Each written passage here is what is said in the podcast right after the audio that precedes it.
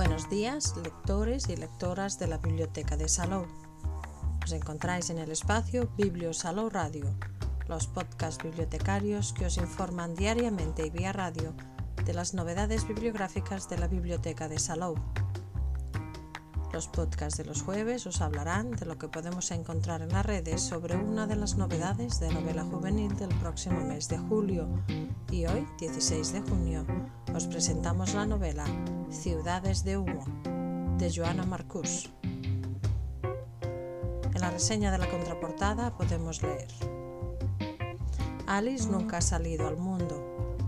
Su cena es a las 9 en punto. Su sueño dura exactamente 8 horas Jamás tiene una sola arruga en la ropa. Parpadea 86.400 veces al día. Respira 30.000 veces al día. Solo habla cuando le preguntan. Jamás ha levantado la voz y lo más importante, jamás se ha preguntado qué pasaría si todo cambiara. Pero, ¿y si eso ocurriera? En un mundo donde la libertad está controlada, ¿Hasta dónde serías capaz de llegar para recuperarla? ¿Hasta dónde serías capaz de llegar para sobrevivir? Muchos de los autores que participan en la plataforma Wattpad han dado el salto de la plataforma al papel. Entre esos autores podemos encontrar a Joana Marcus, que cuenta con 14 obras escritas en Wattpad. En 2021 salía su primera novela a papel titulada Antes de diciembre, la primera parte de la saga Meses a tu lado.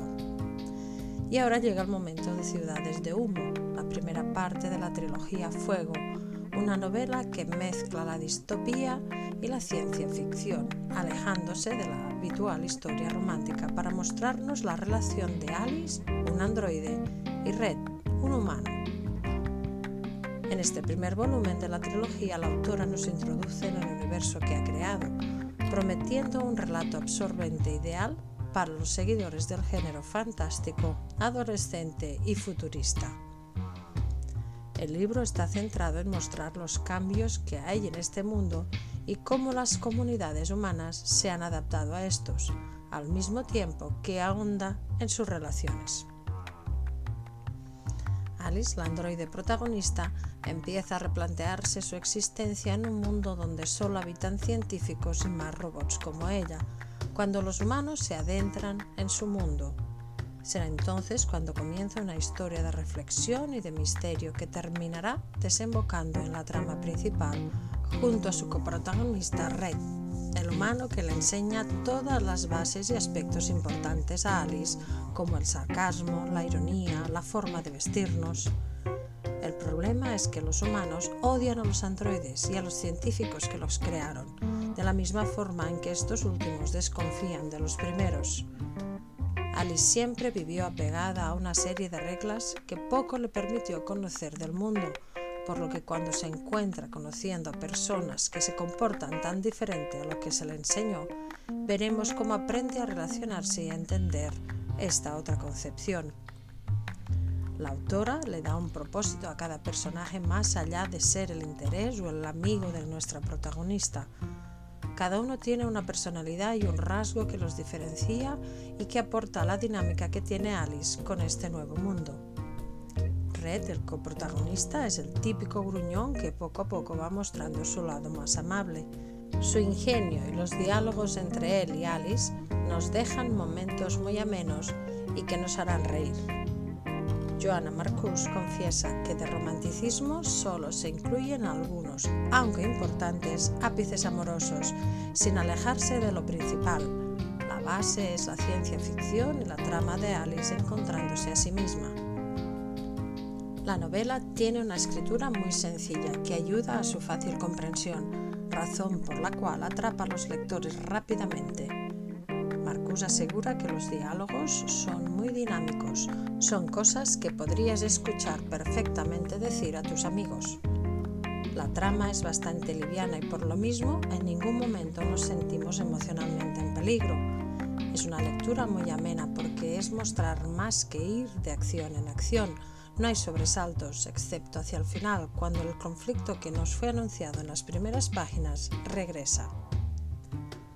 La novela se estructura en 26 capítulos titulados y enumerados, con un total de 495 páginas.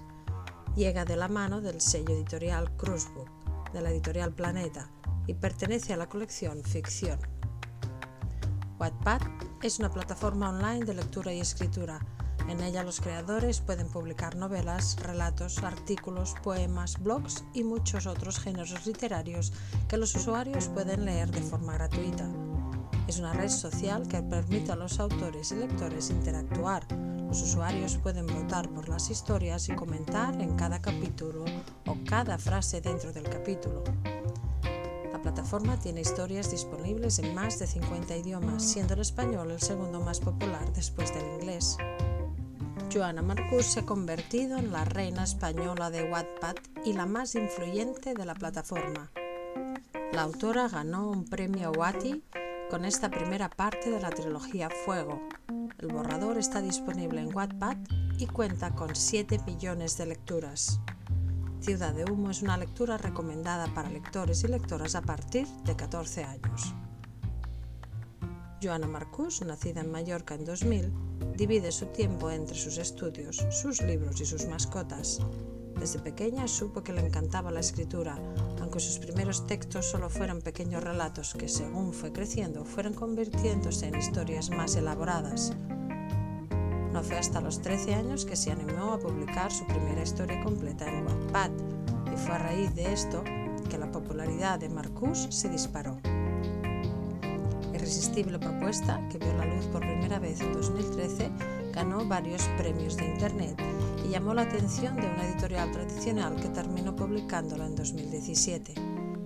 Tres años más tarde, la plataforma Wattpad, donde ha seguido escribiendo hasta la actualidad, la volvió a poner en boca de todo el mundo. Si la buscamos en las redes sociales, podemos seguir a Joana Marcus en su canal de YouTube, en Twitter e Instagram, arroba Joana Marcus X, en Wattpad.